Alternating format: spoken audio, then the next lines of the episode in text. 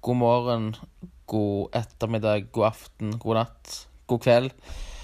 Det er Harald Harestad her, fra Kåte Klør og First Dreamers, og fra Loadin. Takk for at du hører på.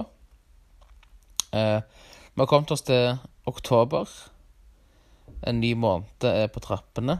Det nærmer seg høst. Det er høst.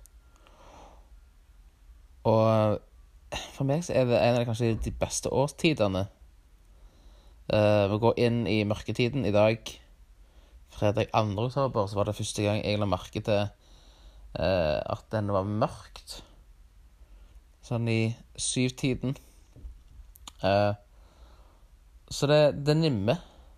Snart ferdig med 2020. Kanskje en del av oss som er happy for det. Denne episoden handler om Håvard Krokedal. Han er en person eh, som til tider er veldig seriøs, men òg leken på, på, et vis. Veldig kunnskapsrik, veldig lidenskapelig. Eh, opptatt av det han holder på med. Og eh, har sjel nok til å si akkurat det han mener, på en fin måte. Uh, og det setter jeg, eh, setter jeg, pris på. Ble veldig inspirert sjøl av den samtalen vi hadde for noen dager siden. Uh, og um, han var jo selvfølgelig en del av uh, Jakob Håkon-band, som når jeg var 17-18 ish, var veldig, veldig populære, og var òg veldig, veldig viktig i min litt sånn kulturelle eller sånn rockemusikalske oppvåkning, da. Eh, fordi de viste det sånn for meg at eh, kids fra Stavanger kan å plukke opp en gitar og begynne å lage veldig veldig bra musikk. Altså, Vi husker jo alle damer fra østkanten. Den streamer du på Spotify hvis du har lyst. Det anbefaler jeg. Det er fredag, tross alt. Kom igjen. Eh, og ja, så det er, det er mye å sette seg inn i. Men gjør det. Og jeg tror Etter du har hørt episoden, så mistenker jeg at det er en liten flamme inni deg òg. Så without further ado, som de sier i Uniten, ta vel imot Håvard Krokedal. Ja vel, Håvard Krokedal, velkommen skal du være. Tusen takk. Hvordan er stemninga på denne regngrå Stavanger-tirsdagen? Stemninga er grei. Eh, det er jo en rar tid vi lever i, men eh, ja. Kjekt å sitte inne og snakke med deg. Du ble tatt av en busstreik i dag? Ja, men eh, jeg har takket være min kjæreste endelig en fungerende sykkel, så da kjørte jeg ned her. Så det gikk helt fint. Hvor er det du bor hen? Nå bor jeg på Byhaugen. Byhaugen? Så det var mye nedoverbakke ned til Vårland, og så blir det litt oppoverbakke på veien hjem. Litt sånn trening eh, på vei hjem? Ja. det Når jeg sykler til jobb, eh, så kjenner jeg det litt Eller Er det ikke til jobb, men på vei hjem fra jobb. Da kjenner jeg det fra sentrum opp til byen. Det er bra økt. Hvor er det du jobber? Nå jobber jeg på Martinique, og i teorien òg litt på Tause ende, men det har det vært eh, ganske rolig i det siste. Men nå begynner det jo å skje litt mer ting der igjen. Så ja. kanskje det blir litt der òg utover høsten. Hvordan har det liksom sånn vært for, eh, for, din del sånn, til rett før korona kom? Hadde du liksom sånn en hel sommer planlagt og mye, mye greier som skulle skje? Ja. Eh, både noen konkrete ting og noen bare mer sånn generelle planer om ting jeg ville gjøre. Eh, jeg spiller jo i et band som heter Rødt Kort. Eh, og vi hadde ganske mange planer, egentlig. Eh, vi skulle slippe en EP og prøve å spille så mye som mulig rundt omkring. Både lokalt og andre plasser. Og så kom jo det her viruset, da, og satte en stopper for mye av det. Mm. Så det kommer jo fortsatt ut, og vi skal jo gjøre ting, men ting blir jo litt annerledes da enn du først har sett for deg? Frister det med en sånn sittende, sittende punkkonsert eh, med masse covid-19-regler og én meters avstand? Altså, Jeg bryr meg egentlig ikke så mye om det, sånn fordi at folk flest her, eller eh, generelt i Norge, liksom tar ikke så sykt av på konserter, så Så, så jeg personlig kan godt spille en konsert for folk som sitter. Det går helt fint. Jeg har gjort det Jeg var på turné med et annet band jeg spiller i som heter Urbanoia for et par år siden. Da spilte vi i Finland. Eh, og da spilte vi Det var jo på sommeren, så da spilte vi Jeg tror det var en tirsdag eh, ut forbi den eh, venuen som jeg egentlig skulle spille på. Da satt alle i sånne, sånne Hva heter det? Sånne klappstoler.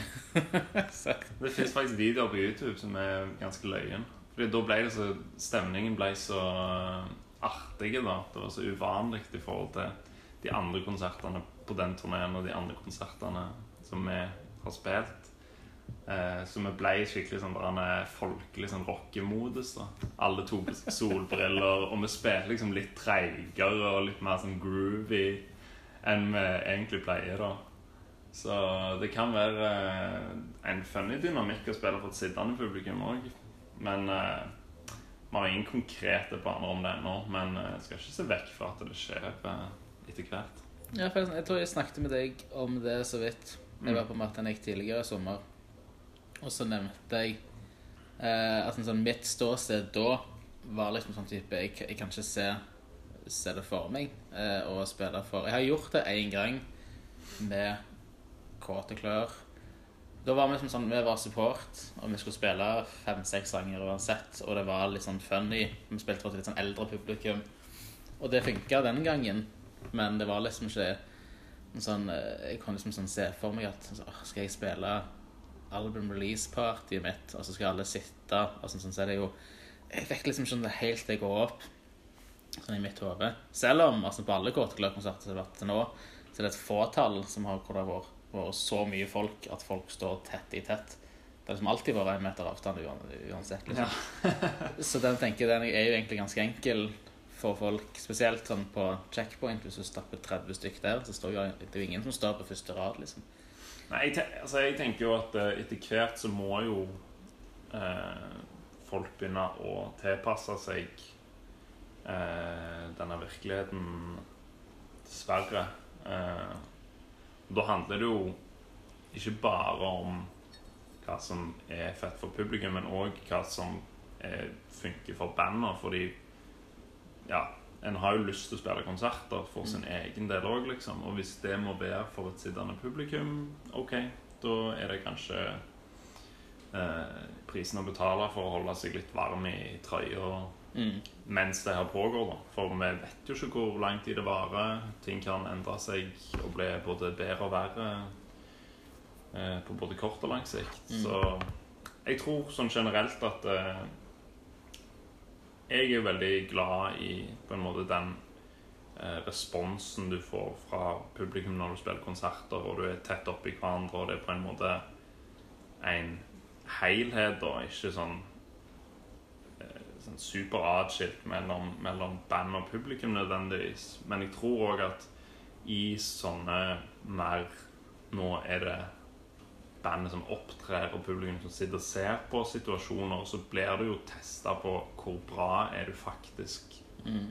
eh, på scenen, da. Mm. Det er jo en annen erfaring enn på en måte mange band som eh, baserer seg liksom nesten kun på den her interaksjonen med publikum, publikum da. Mm. Eh, da får du liksom testa hvor bra er det når bare med fire, fem, seks folk står på scenen og spiller, liksom. Funker det bare som det, uten at vi kan liksom dele mikken med de publikum og stagediver og, og sånn som det? Ja. Så det er jo en utfordring, iallfall hvis du kommer fra på en måte musikksjangre der den interaksjonen med publikum er veldig sånn essensielle da, for, eh, for konsertopplevelsen. Så jeg tror mange må tenke litt nytt om, om, eh, om å spille live. Kanskje du må eh, legge til noen nye visuelle elementer for å gjøre det litt interessant, eller kanskje du må tenke OK, kanskje vi skal begynne å se på nye plasser å spille. Kanskje, kanskje rockeklubben ikke er liksom like relevante lenger. Hvis det uansett ikke er liksom den klassiske rockeklubbsettingen. Kanskje du må Ja, folk må tenke litt kreativt, og det, det er den eneste måten du kan på en måte holde det gående på i denne tida, tror jeg. Ja, for det hadde gått poeng. Så jeg skal liksom at det, det, egentlige alternativet altså, er jo Skal det skje noe, eller skal det ikke skje noe? Det er jo det, er det, er det som det egentlig handler om. Det handler ikke om hvor, hvor fett du sjøl som, som band skal ha det. Sånn, som det skal jo alltid være Jeg tror vi som spiller kanskje spesielt i rockeband, kan falle lett i en liten sånn fallgrop der med at ting må være Jeg må ha den ampen, den gode PA-en, jeg må stå på den siden av scenen, og det må være så mye plass. Du, du har så mange regler da for at du skal ha det ja, bra. Eller uh, være, i, være i stand til å gjøre de tingene som uh, uh, som, som du har lyst til å gjøre. Men nå så er vi kanskje liksom sånn tvungen. Og det syns jeg var ganske interessant. Så jeg satt liksom sånn og tenkte på det. Og så vet jeg liksom sånn òg at om et halvt år så kan alt være endra. Mm. Og da sånn, så det blir, jeg sitter veldig på sånn balanser på sånn knivsegg. Sånn type greier. Er det lettere liksom sånn å bare lage en film? Sånn, sånn, og sånn investert penger i det? Og sånn, sånn bare tatt opp, leid. Jeg har jo vært på masse sånn internettkonserter nå. Sittet oppe til sånn seks-syv om morgenen for å vente på at klokka skulle bli sånn Mm. ni på kvelden i LA, så du kan gå og se. For der, sånn, sånn, der er det jo en der er det jo enda verre sånn i forhold til venues.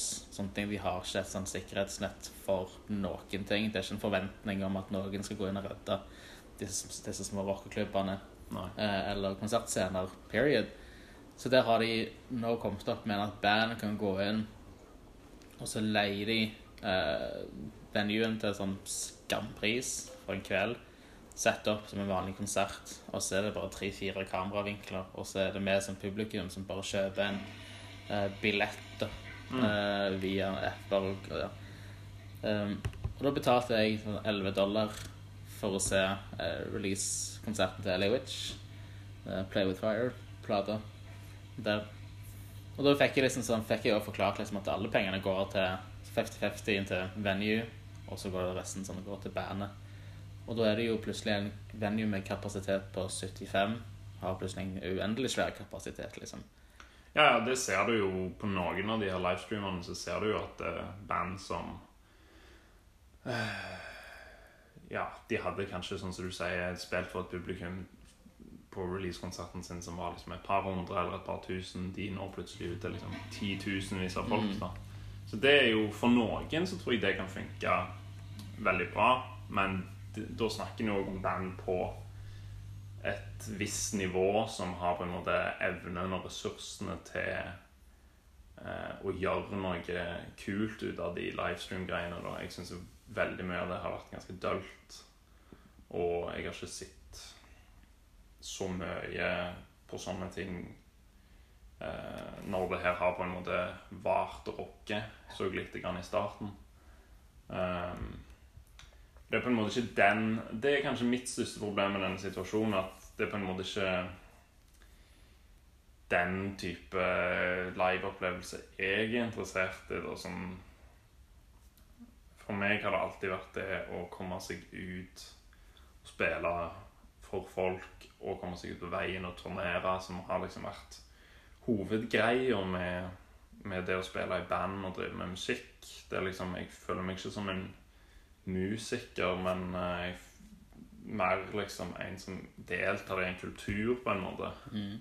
Eh, og de på en måte møtene en har med folk eh, på veien eller der en bor, det tror jeg er vanskelig å erstatte på en måte med liksom digital uh, digital setting, da. Selv om det selvfølgelig for mange er bedre enn ingenting. Det skjønner jeg jo òg godt. Så hvordan var, hvis vi går kjapt gjennom eh, biografien eh, Ja. den hvor, eh, Hva var liksom sånn fra barndommen inn i eh, Hva var inn- inngangsbilletten din inn til dette miljøet her? Um, ja, jeg vokste opp i Hillevåg. Uh, rett med Hillevåg kirke. Eh, det var vel kanskje førsteplassen jeg var liksom aktiv i noe musikk. Mm. Hvor jeg gikk i sånn eh, kor der, husker jeg. Det er gøy. Eh, ja. Uh, og så uh, var vi vel på slutten av barneskolen, så husker jeg det var Jeg tror det var en sånn slags arbeidsuke eller noe, der vi fikk liksom lurt lærerne til å la oss bare være liksom musikere ei uke. Eh, så da fikk jeg lurt meg med på et sånt eh, prosjekt der, der jeg hang på musikkrommet sammen med eh, eh, en kompis av meg som heter Ole Magnus, spilte trommer. Eh, Mari spilte gitar. Andreas spilte bass. Men Åsmund spilte òg bass. Ja, Vi var i hvert fall en gjeng der som eh, hadde, hadde sånn arbeidsuke der vi var liksom musikere. da Ja, fett. Eh, da hadde jeg gått og lært å spille litt eh, keyboard en stund på Sagvik musikk. Hvis du husker det. Ja. eh, Nede med kaien. Eh, så jeg spilte da liksom keyboard eller piano i denne settingen. da Så bare hang vi der og jamma på et vis. Jeg hadde ingen evner til å jamme, men jeg, de sa til meg hva liksom akkorder vi skulle spille, og så spilte jeg de.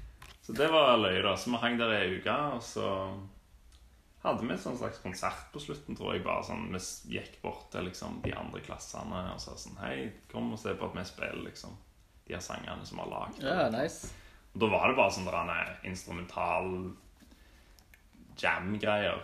Eh, de andre var veldig flinke. Han Åsmund, for eksempel, er liksom sinnssykt flinke bassist. Eh, Holder de gjerne på i dag, disse folka?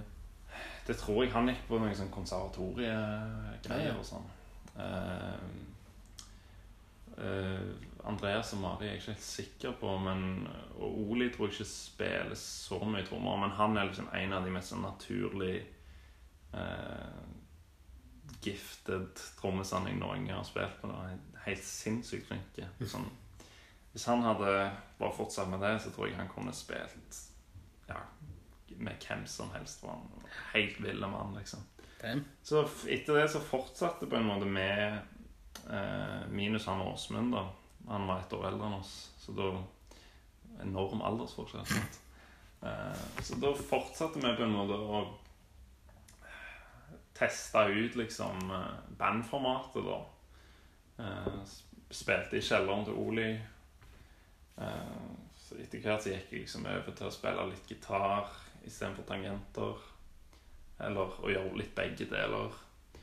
Og så begynte vi liksom da på slutten av barneskolen, begynnelsen av ungdomsskolen, så hadde vi liksom en slags sånn der forskjellige varianter av det her bandet, da. Så spilte liksom sendte inn sånne elendige oppdrag til sånne konkurranser som Rogalands Avis hadde, og begynte å spille på litt sånne der ting på skolen, eller eh, begynte liksom etter hvert å bevege seg over i å spille på liksom Bekkfar bydelshus og, og sånne type ting. da Og der møter du jo òg liksom ja, andre folk som har andre ungdomsskoleband og prosjekter og sånn. Eh, men samtidig som det her, da, altså utover ungdomsskolen Det her var jo mer sånn der rockeband, liksom. Ja. Men samtidig som det her, så var det jo sånn ekstremt eh, booming liksom punk og hardcore miljø i Stavanger og Sandnes eh, som var liksom Passet perfekt for meg, da, for det var På den tida så var jeg liksom bare sånn der på jakt etter sånn mer og mer ekstrem musikk, da. Uh, og jeg husker òg de hadde På den tida var det en sånn TV-kanal som heter ZTV. Uh, som var sånn Viasat-variant. Eh, og der hadde de sånn Jeg vet ikke om det var hver dag, eller iallfall flere ganger i uka, så hadde de sånn metal En time der de spilte liksom metal og hardcore og punk og sånn. da. Eh, så det gikk jeg liksom ofte hjem og så etter skolen. Der spilte de sånn der Hatebreed og Converge og ting som var liksom både mer metal og mer punka enn det. Så det var sånn Ja. Det var en Det ganske der sånn kul eh, liksom Litt mer mainstream introduksjon til litt sånn større, ekstreme band. da Ja. Men så hadde du jo på en måte den lokale scenen som jeg ikke var en del av ennå, men som liksom en begynte å se Det var såpass liksom eh, aktivt og såpass stort at jeg husker jeg leste om det liksom i Stavanger Aftenblad og sånn. Mm. Dette var når Stavanger Aftenblad fortsatt var sånn der et to og en halv meter stort utbredt eh, variant. Så du måtte legge på hele stuegulvet og, og lese. Og da husker jeg det var sånn artikkel som jeg skulle, hadde elska å lese i dag. Men jeg husker det var en eller annen artikkel om eh, Purified Blood og på en måte det miljøet rundt det. Mm. at, for det var jo mye spesielt med det at for, sant, det var liksom De drakk ikke, og det var liksom dyrevern, og det var liksom masse sånne ting. da Og det syns jeg var liksom sinnssykt spennende. Eh, og, men jeg hadde på en måte ikke noen vei inn i det da, før på en måte jeg skjønte at eh, Å ja, det her er noe Det går an å bare møte opp på det her, liksom. Du trenger ikke noe billett. Du trenger ikke noe på en måte vei inn, annet enn at her er det Her er det bare å komme, og det er jo faktisk fri alder på de her konsertene òg. Mm. Uh, I alle fall de fleste. Uh, så første sånn skikkelig hardcore-gigen jeg var på, var vel uh, punkfestivalen i 2006. Og da hadde jeg jo allerede Før det hadde vi allerede spilt en del liksom, konserter med de her ungdomsskole-rockeband og sånn. Men det var liksom første gangen jeg gikk for å se liksom Ok, nå skal jeg gå og se Purified Blood liksom, på punkfestivalen på Folken.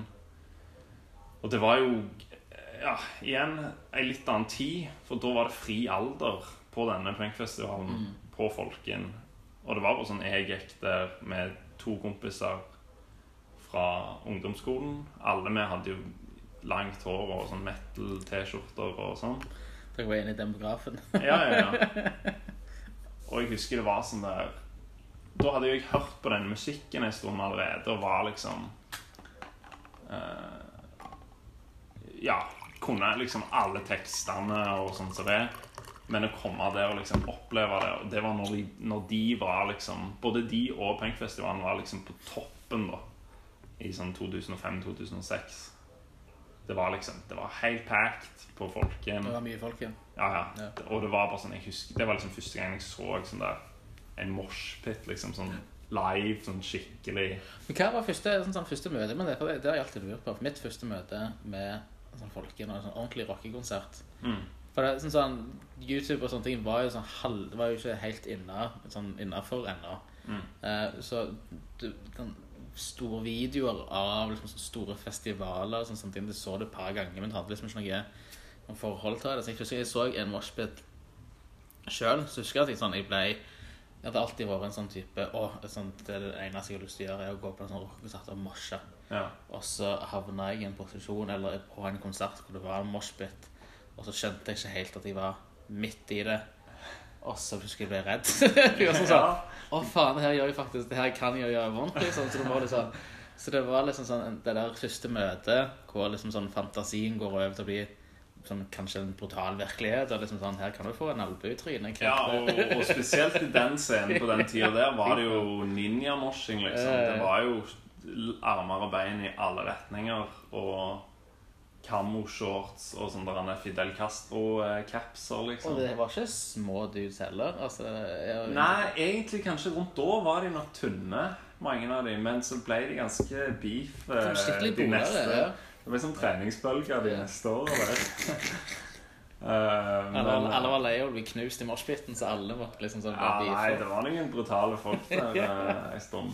Men eh, Nei, jeg vet ikke første introduksjon til sånne ting. Det var jo på en måte live, var det jo det. Men jeg husker jo jeg hadde sett de her tingene, sånn som i de, i de videoene på settet. For eksempel i den hate, ene Hatebreed-videoen, husker jeg for eksempel. så er det jo bare live footage fra liksom konserter de spiller, der folk liksom slår hverandre i trynet og sånn sånn som det. Og jeg syns jo bare det var rått som Som sagt, jeg var liksom bare på en sånn der etter sånn mer og mer ekstreme ting, da. Så det var liksom sånn Samtidig som det her, så liksom hørte jeg òg mer og mer på liksom klassiske norske liksom black metal og bare sånn Jo mer ekstremt det var, jo, jo bedre, liksom. Uh, bare fordi at det var Jeg likte musikken, men òg bare at det er Jeg tror når du er unge, så er det òg du, du vil alltid liksom finne OK, du har funnet liksom Linkin Park, OK, hva er det neste? OK, så har jeg Nirvana, OK, og så ser du liksom på Nirvana Hva T-skjorter er det de OK, han har Black Flag-T-skjorter, ja, OK. Og så liksom graver du mer og mer og mer i det, da. Men som sagt så var vi jo heldige på en måte at det var et så sterkt miljø her lokalt som det gikk an å bare på en måte oppsøke.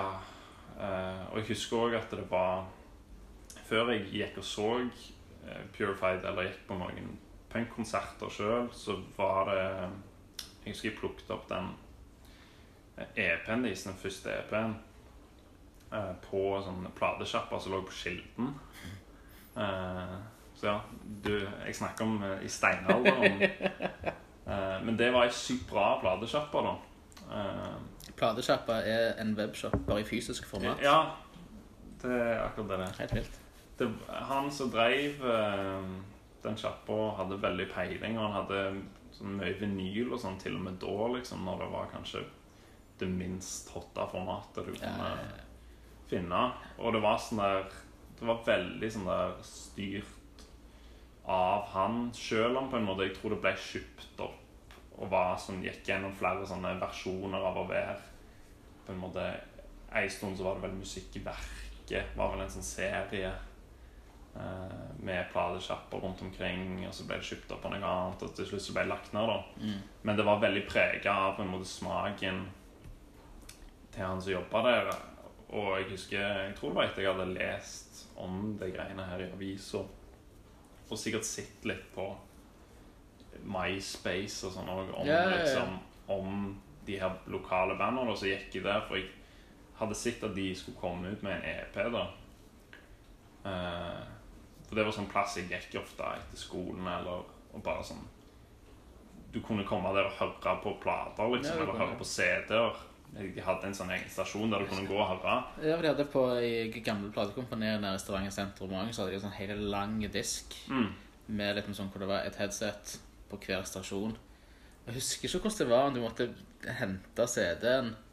For jeg tror det var bare var tomme CD-cover, og så henta du det i hylla, og så ga du det til dem. Bare kan jeg høre på denne. Ja. Og så hadde de et sånn lytteeksempel og så de måtte bla gjennom. Oh, ja. Nei, her var det, her var det mer eh, Her tror jeg folk hadde mer tillit enn det. Det var bare Det var bare å gå og hente CD-en og spørre kan jeg høre på denne. Og liksom ni av ti ganger så kjøpte jeg jo ingenting, for jeg hadde jo ikke penger. Ja, right. Men eh, det var liksom fett likevel, da. Eh, og da husker jeg jeg ja, plukket opp dem. eh, for jeg hadde hørt om de, hørt at de var liksom herfra. Og jeg tror ikke jeg hadde hørt noe musikk engang. Jeg bare husker at det var liksom Du hadde lest om det. De er herfra. De er liksom Det er noe som skjer her og nå, liksom. Så det er den første musikken du kjøper fra et lokalt band? Ja, det tror jeg det må ha vært.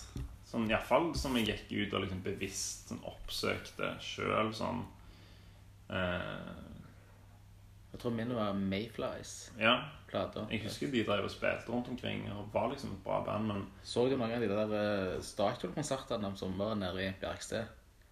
Så det er ett år til her, 2001-2002, eh, så spilte Mayflies. OK. Så sa de på scenen, husker jeg Ja, vi kommer ut med plater. Cirkus nå, gå og kjøpe den, liksom. Så gjorde jeg det. så jeg var rett ned på etter konserten, og så var han der. Jeg husker Det var noe helt Det var noe sånn, sånn merkelig, for da hadde jeg jo allerede kjøpt CD-er fra altså, store internasjonale band som jeg likte. Det her var liksom sånn Og i mitt hode da, så lenge du hadde en CD, eller du kunne, noen kunne gå og kjøpe den i butikken i byen, så var du likestilte med de store liksom, sånn, artistene. Sånn, da var Mayflays var akkurat det samme som Queens of the Stone Age eller Muse eller Rage Against Machines, for de hadde liksom De hadde CD-en. Ja, det blir veldig sånn offisielt når du, Ja. Når du finner de i samme butikk som alle de andre tinga. Men jeg husker da jeg kom jeg bare Jeg husker jeg kom inn der, og det er sånn en av de største sånn musikkopplevelsene i livet mitt. da Det er liksom komme inn der og så plukke opp den CD-en. Og så ser du sånn på coveret, så er det liksom sånn geriljasoldater med guns, liksom. Ute i skauen. Og jeg tenkte sånn Ja, det her er rått, liksom. Det er gøy. Eh, og så setter jeg den på, og så er det sånn Jeg vet ikke om du har hørt den EP-en, men Det var lenge siden. ja.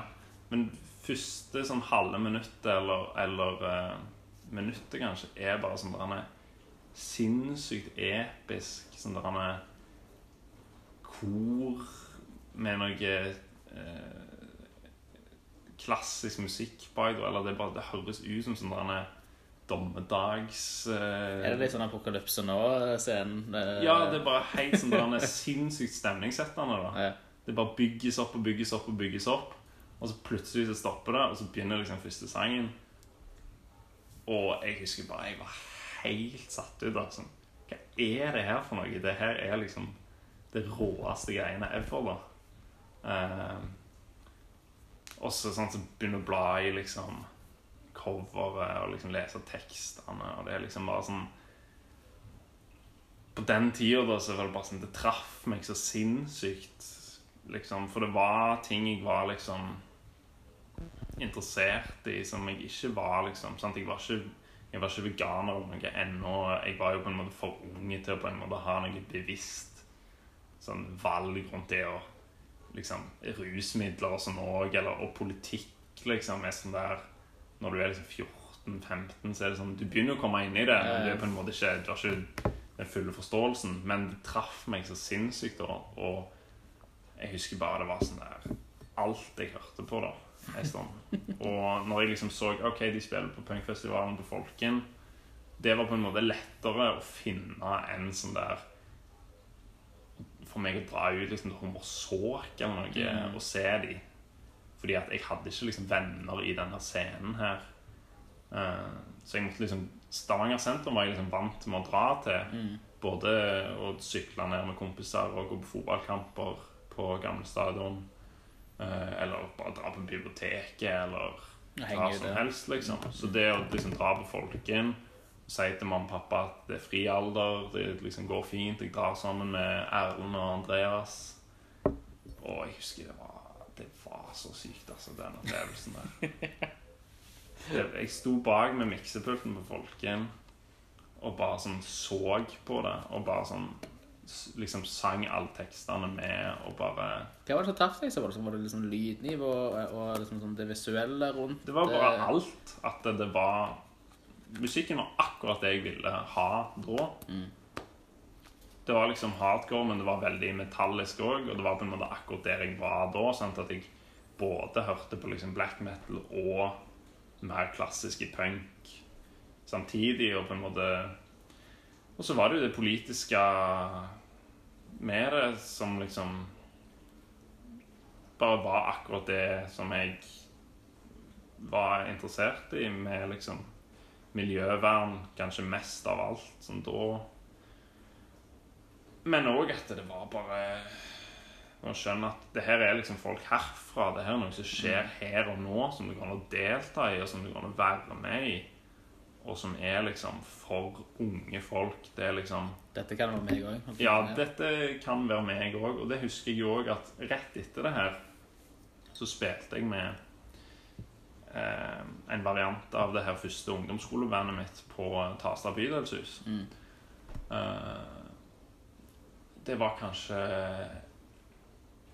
helt i starten av videregående, kanskje. Eller helt i slutten av ungdomsskolen. Så 03, Nei, det var helt i starten av videregående. så 03-04. Nei, jeg er litt, uh, litt yngre enn deg. Uh, hva blir det, da? Det blir 06, kanskje. Ja. For det er når Eller 07. Punkfestivalen var i 0, sommeren 06. Mm. Og dette var etter det, i alle fall. Var, jeg begynte jeg, Jeg er født i 90, sant? Ja, så du to år. Så jeg, jeg var russ i 07. Så Ja. begynte jeg på Folken i 07 òg. Ja. Um, så da var jo dette her kanskje da i sånn i 05-06, da, for jeg begynte på videregående i 2004. Jeg husker iallfall at eh, ikke så lang tid etter det her, da, så spiller vi konsert på Tasta bydelshus. Eh, og da er Tommy fra Purified lydmann. Ja. For han har sånn Jeg vet ikke om det er siviltjeneste, eller om han jobbet der, eller hva det var. Og da husker jeg jeg var sånn superfanboy. Og bare liksom Jeg tenkte sånn Jeg bare sånn Faen, det er Tommy. Jeg, jeg må snakke med han, liksom. Bare sånn, og bare gikk bort. Jeg husker ikke hva jeg sa, men jeg bare liksom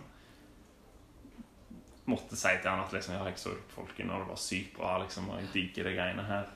Og han var liksom bare verdens hyggeligste fyr, og det tror jeg òg er sånn ting som på en måte en tar med seg videre, da. At en møter folk som på en måte ikke er rockestjerner, ikke er liksom noe sånn fra en annen verden. De er plutselig liksom på ja. samme bydelshus som du spiller på, med liksom drittbandet ditt. Eh, med liksom Men blir, man liksom, ble, ble du liksom sånn self-conscious over det når du, etter du snakker med så du snakker med Tommy, da, og så er han veldig hyggelig, og så liksom oppfyller det liksom alle kriteriene i hodet ditt? liksom at Yes, du er ikke en drittsekk. Nei, jeg hadde på en måte ikke Og så går man tilbake igjen til kompisene sine sånn Fuck, vi suger jo. Eller sånn, sånn, Var det en sånn feeling? Nei, ikke sånn, men det var, det var på en måte mer at det, det her vil jeg òg på en måte være mer en aktiv del av. da Ja, ta det mer seriøst. Sånn, Fordi Ja. det er fett med rockeband og med, med kompisene mine. Det har jeg alltid holdt på med. Men jeg har òg sånn personlig lyst til å være en del av på en måte denne scenen. Fordi at de verdiene her og, og de tingene som Bare de interaksjonene en har når du møter sånne folk, liksom, det betyr noe liksom mer, da. Mm. Uh, og da husker jeg òg med et annet band som jeg spilte i seinere, som heter Rosa Parks.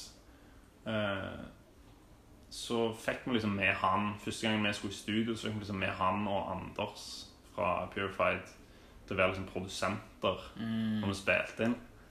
Uh, jeg vet ikke hvordan vi fikk til det, men vi gjorde iallfall det. da Jeg lurer på om vi hadde fått noe penger eller et eller annet. Jeg husker ikke. Men uh, da var de med liksom når vi var i studio, og det jeg husker jeg var sånn der sinnssykt fete ting. Og bare sånn vilt kult, og på en måte det som jeg syns skiller liksom punk- og hardcore-scenen fra mye annet, og at det er ja, korte vei til på en måte folka i favorittbandet ditt. Da. Mm. Det var i hvert fall sånn det opplevdes da for min del. Og det var liksom sinnssykt kjekt å bare ja, være en del av, eh, av, av de greiene der mer og mer. Mm. Så møter du jo andre folk. Sant? De er jo noen år eldre, men begynte å gå på konserter liksom mer aktivt sånn utover videregående. Og da treffer du jo folk på din egen alder. Mm. Fordi at på den tida så var det òg eh, ganske mange folk her som var på min alder. Som var liksom mellom 14 og 20, liksom. Mm. For det var jo fri alderkonserter stort sett på Metropolis når jeg begynte å gå. Uh, før det så var det jo på Mølla i Sandnes. Jeg kom liksom inn litt etter det var ferdig. Eh, men jeg har jo venner, masse venner som var på konserter der òg, som begynte å gå på gigs litt før meg. Mm. Eh, så det var jo sånne ting Det er jo ganske løye, da, fordi at det er sånne ting en hørte om sant, allerede da. Sikkert bare sånn ett år etter det var liksom ferdig med mølla, så var liksom folk sånn supernostalgiske for liksom den tida. da. Det var liksom aldri noe som kunne måle seg med det. sant? Og det husker jeg irriterte meg over sånn da, at jeg var sånn der OK, det var sikkert fett, liksom, men Men det er jo ting som skjer her og nå, liksom. Vi får heller prøve å gjøre det så bra som mulig. Ja, ja, ja. Men nå når jeg blir eldre, så skjønner jeg det jo. At hvis du på en måte har hatt veldig sånn formative år knytta til én sånn spesifikk plass, så er det lett å bli liksom nostalgiske. Jo, for jeg tror man blander, man blander liksom sånn forskjellige ting inn i det. Jeg husker jo min Altså, du hadde liksom Du hadde Purified Blood og det, den scenen som de var en del av, og det miljøet rundt det. Det var liksom sånn din vei inn. Og for min vei inn var jo eh, si, Arlie Mux, Rosa Parks, Jacob Hawker Band til slutt, og, og, og eh, Johnny Hancocks og de folka der. For det var da folk på min alder.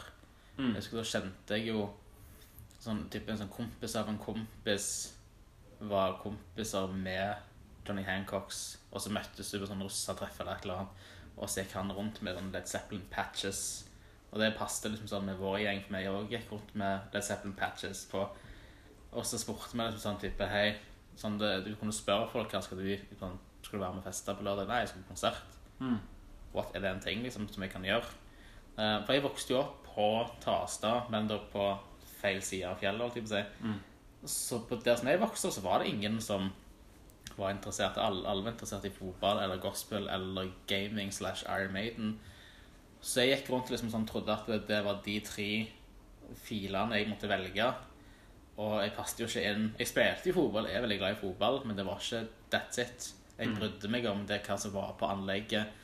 Og når jeg da traff, eh, som, som ble 17-18 og kom inn i eh, en sånn sosialt miljø og hang med folk som var sånn sånn Å, jeg kan ikke med, nå må vi stikke. Og jeg tror at dere skal, skal dere på byen, eller hvor dere Nei, vi skal på konsert. What? Og da kom jeg inn, og da husker jeg det var første sånn lokalkonserten jeg gikk på med folk på min alder, var når jeg grottene det var Rose Parks og Johnny Hancocks Ja. som spilte. Fett. Og da var jeg liksom sånn der med, eh, med Jens Andreas, som nå er de som driver høstsabbat i Oslo. Ja. Eh, og det var liksom sånn mitt første møte, for da kunne jeg liksom sånn, da sto jeg med Jens Andreas, og så sto han liksom sånn og forklarte litt sånn type ting. For han, jeg hadde kunnet litt, hadde begynt å spille gitar i sånn et par-tre år på det tidspunktet. Men Jens Andreas var kongen fordi han kunne hele gitarsoloen til Whole Lotta Love. liksom. Og det var et steg over som jeg aldri kom til å oppnå. Nei, jeg kommer fortsatt aldri til å nei, oppnå nei, så jeg er sånn, sånn type shit, så hvis han sier at dette er bra, så er det bra, typ eh, greier. Da kunne han peke. Og det var jo liksom Du hadde jo smak, eh, og rock, eller gitarbasert rockemusikk, var jo popmusikk på den tida. Husker jeg. Det var jo de som du hørte på radioen. Alle kunne Frans Ferdinand, alle visste Mm. hva det var, liksom. Eh, det var ikke, det var ikke hiphop eller litt sånn syntbasert pop som vi har nå. Eh, Så det, du hadde alltid som en knagger å henge ting på. Og med fraværet av sosiale medier og så måtte folk kle seg ut. Du signaliserte med stilen din hva du var. Ja. Og jeg var jo emo, så jeg gikk jo i sånn emo-outfit og hadde liksom sånn svarte negler og sånne type ting. Og traff andre i det miljøet som så sånn ut. Mm. Og da var det, da var det helt innafor å bare gå opp til de og bare Ja, ikke hva du hører på? Jeg hører på disse. Ja. så det var jo mer en sånn litt annen tid. Og da tror jeg når vi vokser opp, eller blitt voksne nå, og ser hva de andre holder på med, eller de yngre holder på med, som gjør noe helt annet enn det vi gjorde, så tror jeg ikke at vi nødvendigvis tenker at det var bedre, men du savner egentlig bare denne litt sånn friheten når du blander alt det, den nostalgien da, inne i miljøet. Altså vi savner det å gå rundt på hjemmefester, og liksom sånn du måtte snike deg rundt og hoppe på busser for å komme til bitte små shows med lokale band. Og så var det du gjorde kanskje i to år bare, så varte den perioden. Mm. Og så begynte liksom sånn resten av livet da. Så jeg tror nok at når man snakker liksom om at de på Møller snakker om at det var bedre da, og at vi kanskje føler at fuck, det var jo sykt nice i 2006-07, Mm. det var gullperioden. Så det er akkurat det samme som de som var kids i 14-15 snakker Mm. nå sånn, nei, herregud, for fire år siden, var så, det, var så mye kjekkere. Ja, det er jo det som skjer med alle. Men jeg bare husker at akkurat det synes, har jeg liksom alltid stritta imot i meg sjøl òg. Jeg har vært prøvd liksom å være så lite nostalgiske som mulig. Mm. Fordi at det er veldig lett Det er veldig lett å bli, men på en måte jo eldre jeg blir, jo mer skjønner du at det er på en måte en sånn ubønnhørlig del av å bli voksen. da, At du Spesielt nå, når en ikke på en måte Det er kanskje aldri kjent på det sterkere enn nå, på en måte, når alt stoppet opp med koronaen og sånn. For da, når en ikke kan på en måte se fram mot ting som du skal gjøre, så ser du bakover istedenfor. Ja, ja. Og lever på liksom minnene av de kule tingene du har gjort. Da er det veldig lett å bli nostalgisk. Og det har vært ganske sånn faktisk heavy ting for meg. For jeg har på en måte alltid prøvd å leve veldig sånn med hva jeg skal gjøre. Hva er det neste jeg skal gjøre? Hva er det jeg gjør nå? Ikke så mye sånn der Ble liksom stuck i ei sånn fortid, da. For jeg syns det er veldig sånn passiviserende hvis du på en måte bare går rundt og tenker på liksom Ja, det var fett da og da, liksom. Og, ja, det er kulere å, å holde seg i aktivitet. Så det er det som er utfordringa når, når det bare stopper opp uh, ut av ingenting, plutselig.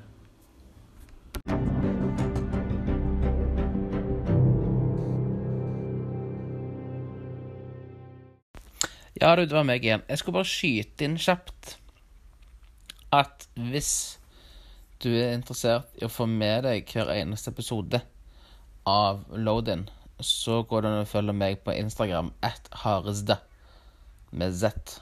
Haresda med Z. Og så går du òg inn på Spotify, og så finner du podkasten Load In Podcast. Så klikker du deg inn, og så trykker du follow. På denne måten òg så får du med deg hver eneste episode. Når du først er der inne, så kan du òg gjøre det samme med kåte klør. Gå inn og trykk follow. Du kan òg gjøre det samme med alle de lokale bandene som du er glad i og ønsker å støtte. Gå inn, skriv inn navnet på ønska band, f.eks. Mudslide. Skriv inn Mudslide, trykk follow, og så er du hooked up. Tilbake igjen til episoden. Så hva Hva band er det du har spilt i? Over? Eh, første bandet jeg spilte i, var det her bandet som starta på ja, slutten av eh, barneskolen, begynnelsen av ungdomsskolen, eh, med Oli og Andreas og Mari, som heter Nitro i starten. Nitro er nice. Eh, og så ble det gradvis til eh, et mer skikkelig band som heter Friday Night Riot. Eh, da var det en som heter Erlend. Han ene som var med på den Purified-konserten.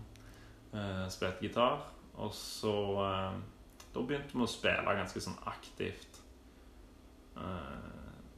rundt omkring på bydelshus og sånn.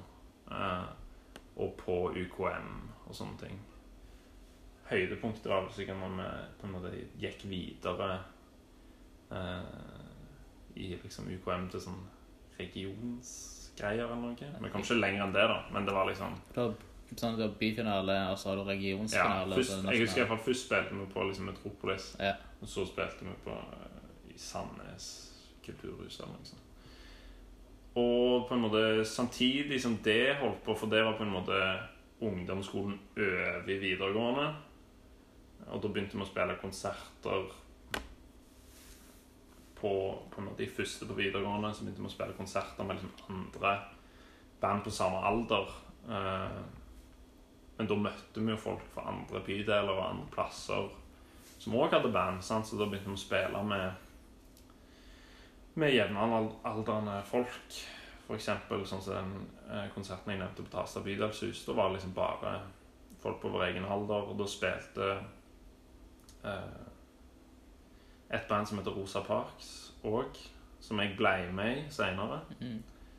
Eh, så samtidig så spilte jeg da i Friday og Rosa Parks og eh, et band som heter Jakob Håkon Band, som eh, vi starta i første klasse på videregående. Meg og Jakob og Øssa som eh, gikk eh, meg og Øssa gikk i klasse og begynte å snakke sammen fordi at eh, jeg så han hadde Jimmy Henriks-T-skjorte. og han hadde langt hår. Var sånn det var før i dag. Ja, veldig sånn klassisk. Eh, og han spilte trommer, da. Og jeg spilte litt gitar. Så da var vi sånn Ja, vi hang hos Øssa, og så hadde han trommesett på rommet og noen sånne Beringer eh, gitar eh, liggende. sånn som du kjøper Claes Olsson, eller? Veldig garasje. Ja. Og så hang meg og han i jakke der og bare begynte å liksom lage sanger og bare for kødd. Eh, og så ble vi sånn Ja, ja, vi kan jo bare lage et band, liksom. Bare for løye. Sånn, jeg var jo allerede med i to band, så jeg var bare sånn Ja, kom an, vi, vi bare gjør noe, liksom. Ja. Og så tar vi det, liksom. Så begynte vi å liksom bare lage sanger.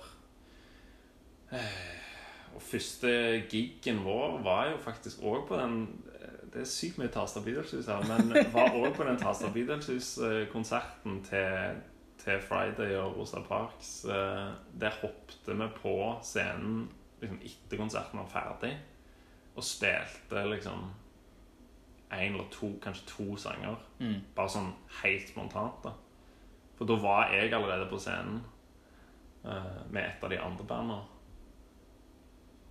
Eh, og så bare skjedde det. Og da husker jeg alle liksom på bussen hjem fra Tasta, da, så satt liksom hele bussen satt og liksom sang på Damer fra østkanten. da Og der er det jo liksom sånn, for der har vi jo Jeg har sagt det til deg før, men sånn, sånn Jakob Håkon-band var jo det første lokale bandet innenfor liksom min generasjon av lokale musikere som ble, fikk sånn, sånn nasjonal oppmerksomhet sånn, sånn via sånn, sånn Urørt og Hove Battle og sånn, sånn. Det var fuck. Nå er de sånn skikkelig på vei opp. Og da hadde vi jo um, Jeg husker sånn, sånn sett dere liksom, både sånn på Grottene, liksom sånn på Rotterådet Og dere spilte jo de fleste venuesene i, i Stavanger. Ja, vi spilte overalt. Ja. Og det var liksom et band som, som det snakkes om, for Østkanten var jo den store sånn hiten. Og det husker jeg i dokøen i Grottene på Folken En gang dere spilte der, så gikk pjattet.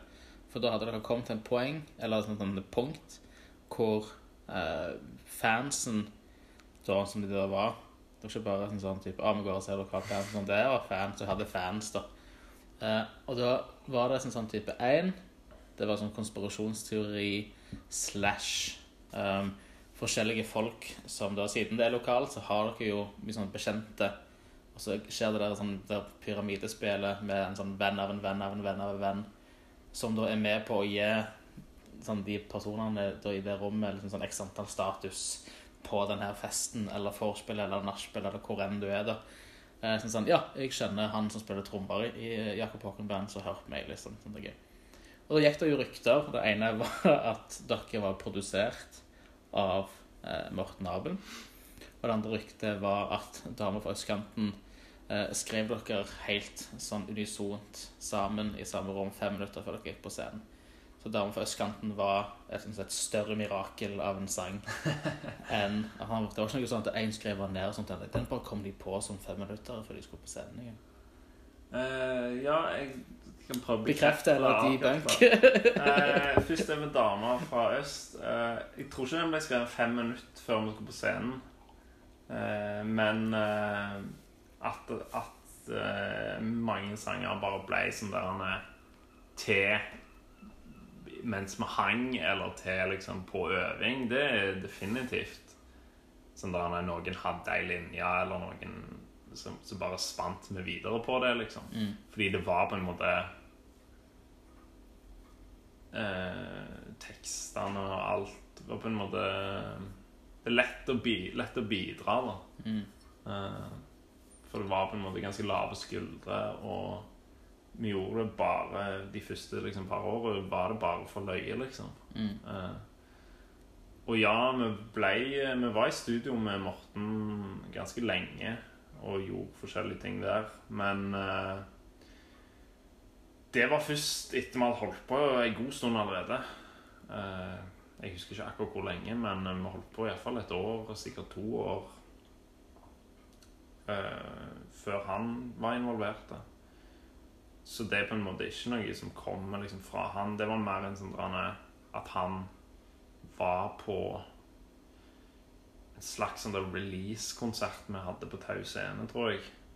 Um, der vi hadde brent noen CD-er uh, uh, hjemme hos meg i Hillevåg. Og lagd en sånn slags EP da, som vi spilte inn med Steven Bishop på Bekkvar Bydelshus. Shout-out til han.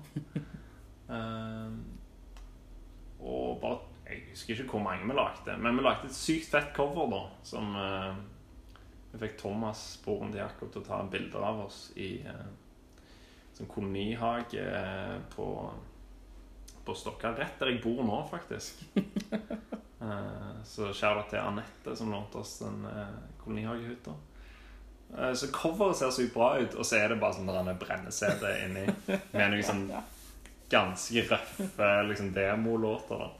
Men ja, da var vi jo allerede liksom veldig aktiv, hadde vært aktiv ganske lenge. For vi begynte jo bare å spille. Først så var det bare sånn Hei, vi gjør det her fordi det er løye. Sånn på Kongsgård, liksom. Det er løye å spille på sånn fester og, og bare gjøre det liksom for vennene våre der. Du spilte på det der eh, berømte juleballet, eller jule... Det tror jeg var en av de første gangene, kanskje om ikke den første Det kan være den på Tasta Beatles sa før, men vi begynte bare, det var bare sånn Hei, vi spiller på juleballet på Kongsgård, liksom. Ja. Løye. Men så ble de bare sånn Vi ga jo totalt faen, liksom. Det var bare sånn Vi var ikke en del av på en måte Det er løye å høre deg snakke om det, for vi var på en måte ikke noen sånn del av noe rockemiljø på mange måter, da. Sant? Det var, jeg spilte i andre band, men ingen av de andre gjorde det.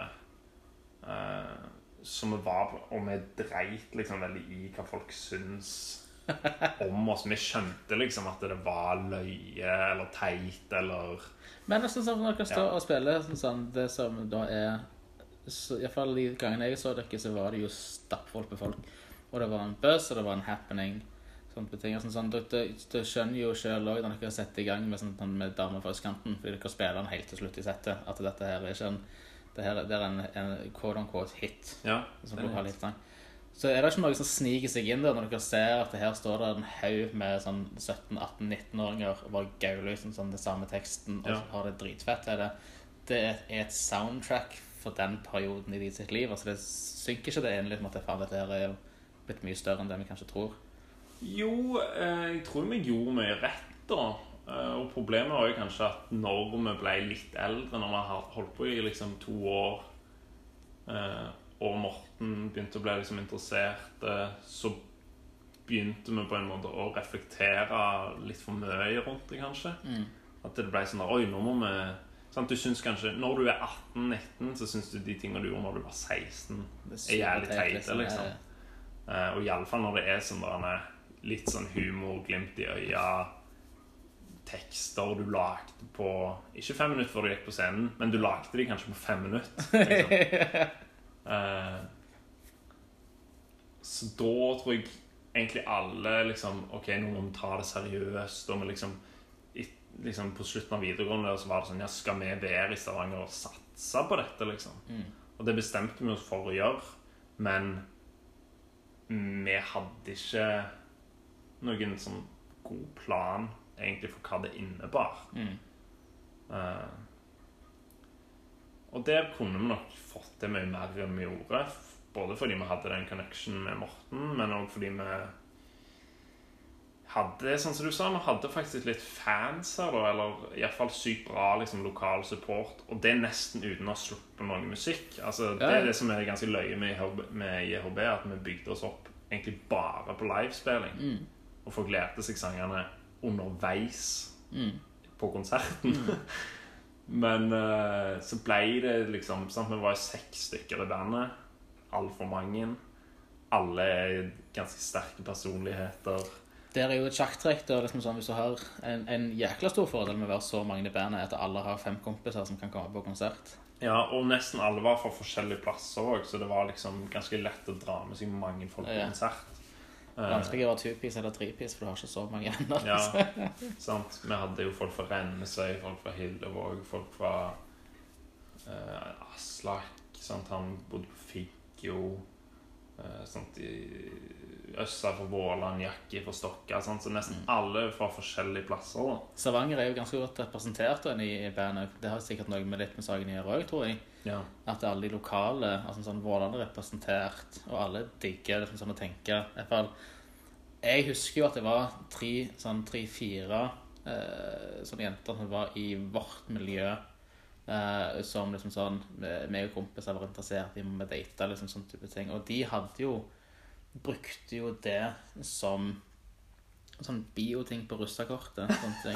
Shit. Jeg er en dame fra østkanten. Wow, det er Ikke- rått. Hvis du fatter det, så fatter du det. type greie. Rått. Og det, det ble jo en sånn ting som vi levde jo Det, sånn, det varer jo bare kanskje et år, men Ja. det var et år hvor man levde veldig sånn type Hei, sånn, I kveld skal vi kun gå ut på Våland. Ja. Og så gikk vi fra fest til fest her, for det var, det var en slags form for eh, sånn lokalpatriotisme. Mm. For da havna vi òg i samme situasjon. At vi er kanskje da ett eller to år eldre enn dere. Og vi er jo midt oppi det. Der skal jeg bli her og studere. Hva skal jeg studere? Skal jeg ta til Oslo? Skal jeg ta til London? Fuck it. Altså sånn. Og da hadde vi et lite øyeblikk hvor alle var liksom sånn tvungen til å være i Stavanger og reflektere over ganske store ting. Hva skal du gjøre med livet? Ja. Og så har du da et miljø som er veldig, veldig sånn sentrert lokalt i Stavanger. Altså det handler ikke om Sandnes eller Ryfylke. Det er Våland, Stokka, Tasta, sentrum, Storhaug, eh. Madla, Hille altså sånn. Alle var veldig sånn type Fuck yeah, ta oss til Rule, liksom. Altså, alle var det. Ja, og vi sang jo sykt mye om Stavanger. Ja. Det var jo liksom Jeg vet ikke om vi skal kalle det gimmicken, men vi gjorde jo det. Og vi, sang, og vi hadde liksom sanger om veldig sånn konkret. Sånn, vi hadde en sang om Hillevåg stasjon. Og nå i Rødt kort har jeg skrevet en ny sang om Hillevåg stasjon. Eh, men det tror jeg er sånn der Både meg og, og Tori, som skrev mange av sangene, er fra Hillevåg, og vi har liksom ekstremt sånn Ikke bare vi, men det tror jeg mange fra Hillevåg har veldig sånn tilknytning til der vi kommer fra. Mm. Eh, på grunn av at det er en bydel som er litt annerledes enn mye annet i Stavanger. Det tror jeg vi tok med oss inn i det bandet, da. At vi sang med veldig mye glimt i øya, men òg liksom om ting som var nært oss, da. Om lokale ting. Og, og det ble jo på en måte den greia vår at vi var liksom Stavanger-band, liksom. Mm. Eh, men det som er litt interessant, kanskje, er jo at samtidig som jeg holder på med det her superlokale bandet, som spilte kanskje liksom én gig ut forbi Stavanger Vi spilte i Trondheim en gang, på Knaus. Mm. Så begynner jeg jo via hardcore-scenen å på en måte delta i en sånn internasjonale subkultur, da. Mm. Eh, helt samtidig. Sant? Samtidig som vi driver på med JHB og liksom har liksom setter for egne konserter på Tau scene der det kommer 200 folk, liksom. Sant? Eh, så drar jeg liksom Så begynner jeg å dra liksom, på konserter i Oslo. Eh, sant? Nøyaktig samtidig, sant? i sånn 07-08. Eh, fordi at via det Og det tror jeg er et ganske sånn viktig poeng som er litt sånn lost på mange her i byen, da, det at eh, Jeg tror det er ganske viktig da å være en del Ikke for alle, men for mange så tror jeg det er ganske viktig å være en del av en subkultur som er liksom en reelt internasjonale ting, da. Eller i alle fall en ting som ikke bare er lokale. For det merker jeg på så mange band her i dag òg, at en har en ekstremt sånn der lokale mindset. da. Eh, at en sammenligner seg både når en lager musikk og hva planer en lager, sånn, så sammenligner en seg først og fremst med andre lokale band. Mm. Og det er liksom eh, Det er på en måte skalaen og, og måten å, å forholde seg til musikkverden på. Mm. Og det, jeg, det tror jeg er veldig begrensende for mange. da For da er det sånn der Ok, når du har spilt på checkpoint og folken, hva er neste steg da? Yeah, right. Sant? Mens det som var det råe med punkscenen, som jeg lærte iallfall, var jo at OK, Purified, for eksempel. Da, sant? F to år før jeg så de live, så hadde de vært på turné i USA. I, to, I 2004. Ja, ja. Sant? Og ikke bare sånn der hva som helst turné. Sant? De har dratt på en turné som er sånn der Når du hører historier om det, så er det sånn helt insane greier. Sant? Det er sånn der Med masse liksom internasjonale band, og da var på en måte den her politiske aktivismedelen de holdt på med, var liksom helt på topp. Da? Og det var liksom sånn der, mye røverhistorier om sånn der, FBI fulgte med på turneen og sånn. liksom Jo, jeg tror, Ja, ja. tror du på det? ja, det tror jeg på. For det var liksom FBI følger med på Ja, fordi at på den tida der så var det Det kan godt være at mange overdriver hvor mye FBI fulgte med, men det var liksom En helt reelle ting var at på den tida der egentlig fra Nå skal jeg ta en liten historietime, men egentlig fra 90-tallet og fram til da, eh, i den her eh, vegan straight edge-scenen, da, så er det enormt kort vei fra bander til på en måte aktivister og eh, folk som har gjort ganske drøye ting, da. Som myndighetene i USA på den tida og andre plasser reelt fulgte med på, liksom. Mm. Eh, både knytta til miljøvern, dyre dyrevern og, og mange sånne ting, da. Mm. Eh, men i alle fall, sant, du hører liksom at ja, de her folka fra Morsåk og Sandnes og Stavanger De har liksom vært på turné i USA. Faen, Ok. det? Hvor- Hvordan faen går det? Ja? Det, det, det går det an å gjøre, liksom. Og så er det sånn I hardcore-scenen så er det sånn Ok, det kommer folk fra liksom USA, det kommer folk fra liksom Brasil og spiller liksom på Metropolis. Mm. Så med en gang så skjønner du at ok, det her er ikke bare en sånn lokale ting. Det her er et liksom nettverk som er over hele kloden, basically. Mm.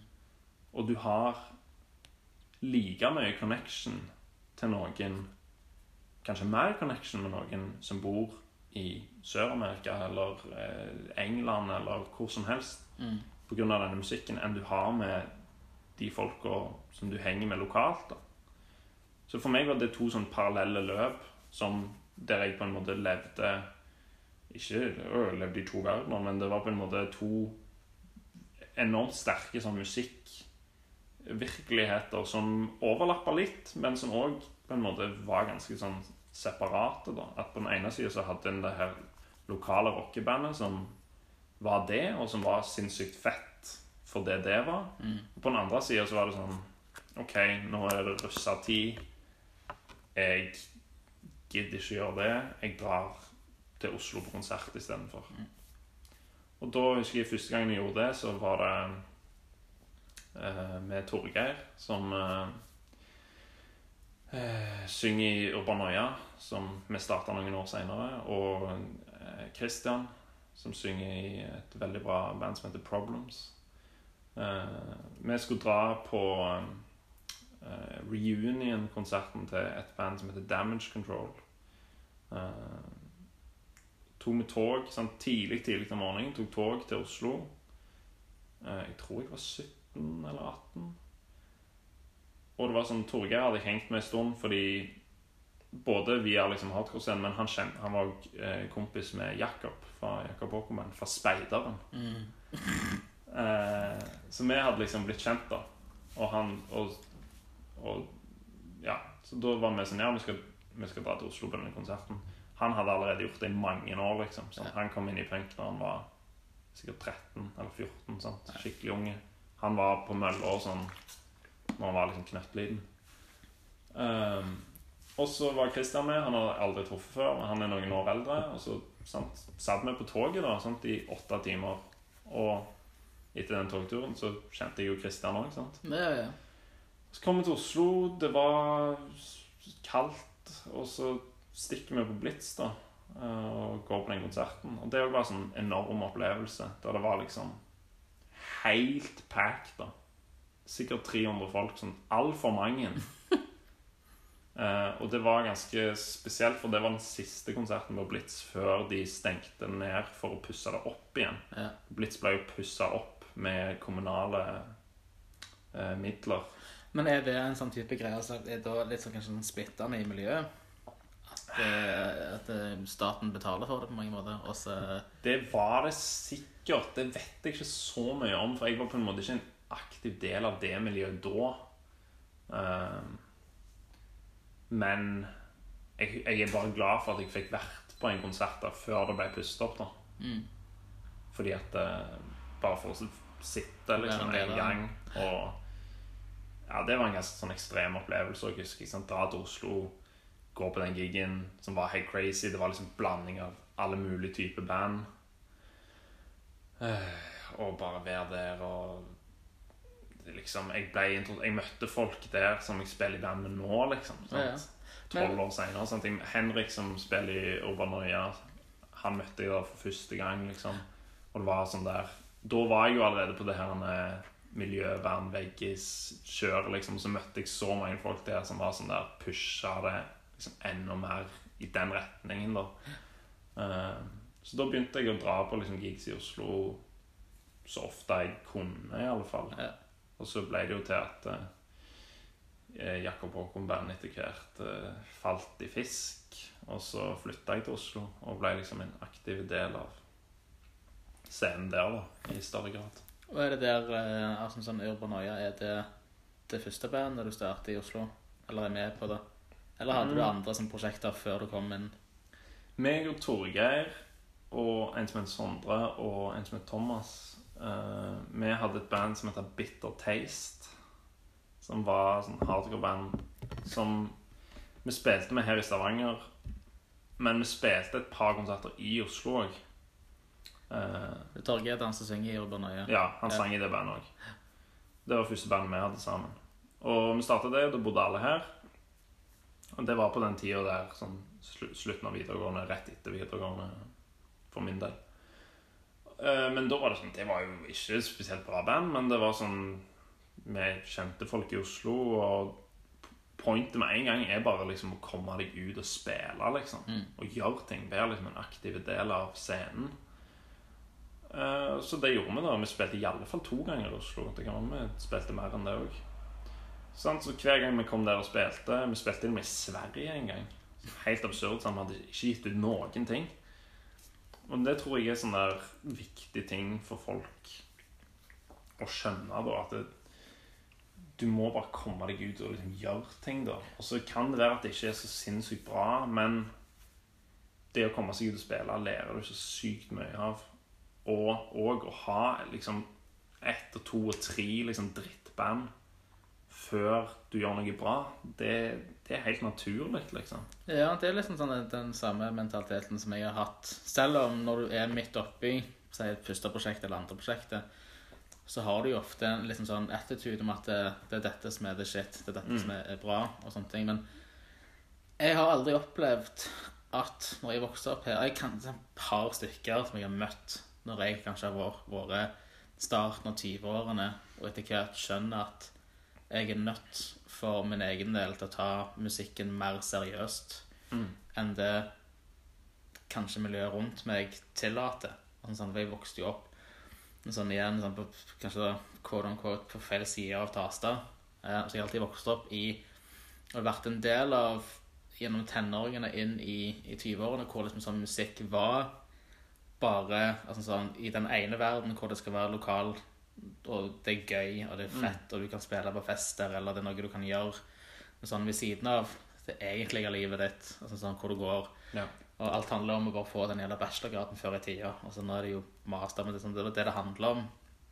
Og når jeg begynte å legge merke til at jeg da via Altså i den her prosessen med å bli eh, en som tar musikk mer seriøst altså hele tida, så detter jo eh, denne prosjektet fra hverandre på grunn av det.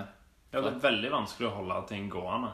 For da er det sånn, sånn type sånn, Hei, jeg har ikke lyst til å bruke sånn, sånn, Jeg kunne ha samtaler hvor vi må sitte liksom, sånn, og finne ut Vi er nødt til nå Nå har vi spilt 40 konserter med dette bandet. Vi er nødt til å spille inn noe for hver gang vi er ute. Selv om vi var, kanskje spilte konserter i Ålesund, så fikk du hele tida spørsmål OK, men hvor får jeg tak i musikken deres? Har dere merch? Har dere det? Så var det en del av det å spille band som jeg ikke helt uh, var privy til. Sånn jeg, hadde ikke forstått det. At det er en del av det å spille i band. En del av å få i gang en sånn bandøkonomi. Uh, da, da måtte jeg liksom sånn tilbake igjen til da folken og spørre folk sånn Hei, sånn, hvor, hvor lager du band til skjorter? Hvor mye koster det? Og såpass, ja. Eller hvor går jeg inn og spiller en, en EP eller et eller annet? Og, sånn, sånn. og da ble det liksom sånn Da fikk du fort valget. Skal du ta lappen, eller skal du spille inn? Skal du ta lappen, eller skal du gjøre det? Og da, Ja. når jeg konsekvent da skjønte at det valget jeg egentlig ville ta, var å putte pengene, de pengene jeg hadde, i band, så var ikke det helt sånn forenlig med andre sine eh, sånn, det, er ikke, sånn, ja, det er ikke den verden jeg lever i. Og da må du videre hele tida til, til neste prosjekt. Så kanskje denne personen Så jeg spilte litt sånn two-piece-band. Det var tre two-piece-bands på rad. Det var lettere liksom sånn å bare treffe en som spilte trommer, Ja. og bare sitte og bable musikk i en måned, og så bare OK, nå gjør vi det. Uh, og så var det 10-15 konserter, kanskje. Men det løy du sier om lappen. Jeg har heller ikke lappen, og det irriterer meg eh, ofte. Men det valget mellom å, å spille i band og ta lappen er jo på en måte Det å ha lappen er gjerne noe av det viktigste du kan gjøre òg. I et band, ja. Fordi at uh, det å komme seg ut og spille, og spesielt det å ha på en måte evnene og ressursene til det, er noe av det viktigste. Og broren min har jo hatt det fra han sant? Vi har kjørt i bilene hans fra lenge, liksom. Sant?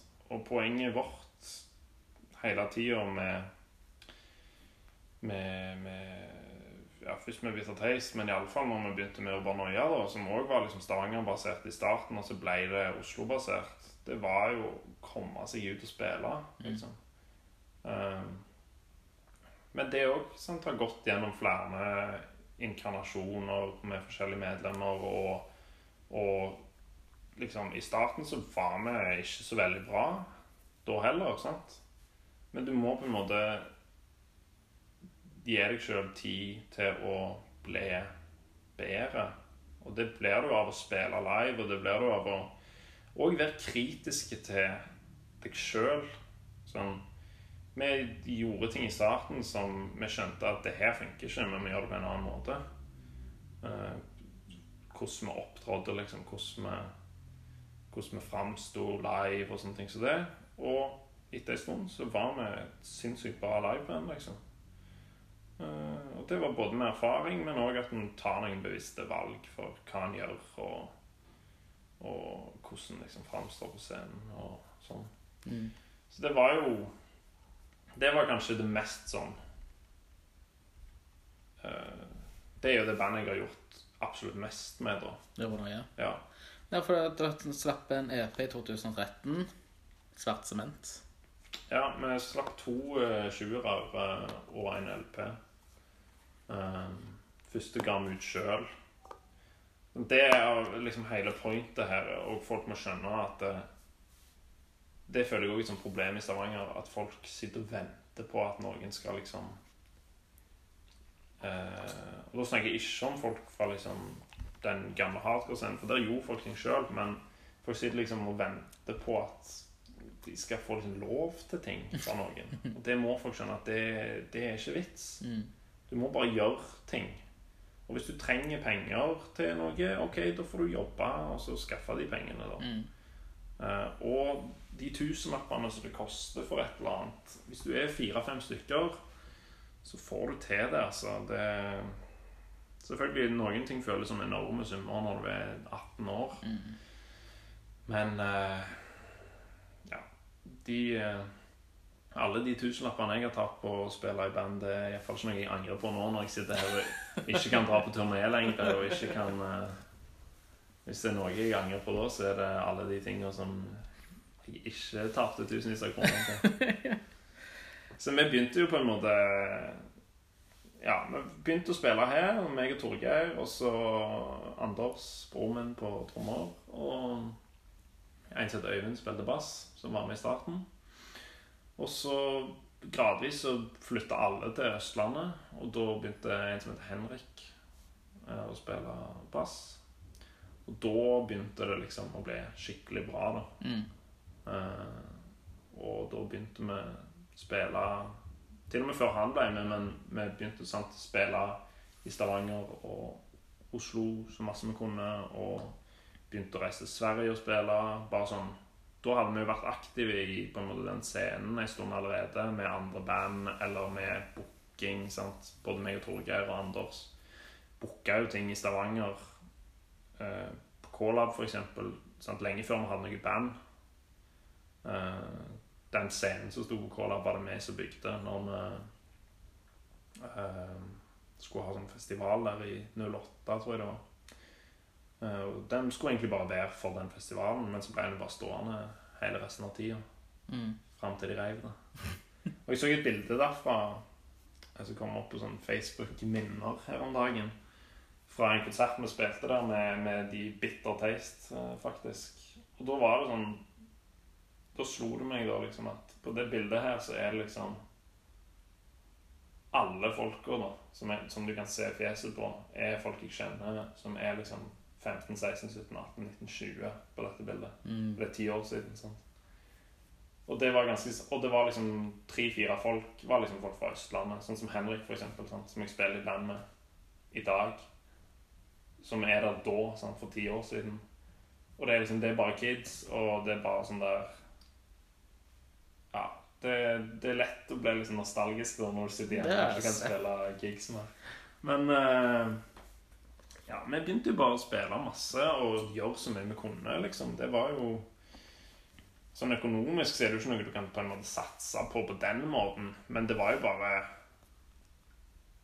Spille masse i Oslo, spille her. Og så var det sånn OK, nå burde vi begynne å dra på turné, liksom. Vi burde dra til Europa. sant? Det hadde ikke jeg gjort før. Men alle vennene mine som var litt eldre i Oslo, hadde gjort det før. Henrik hadde gjort det når han var kjempeunge med de tidligere bandene sine. Mm.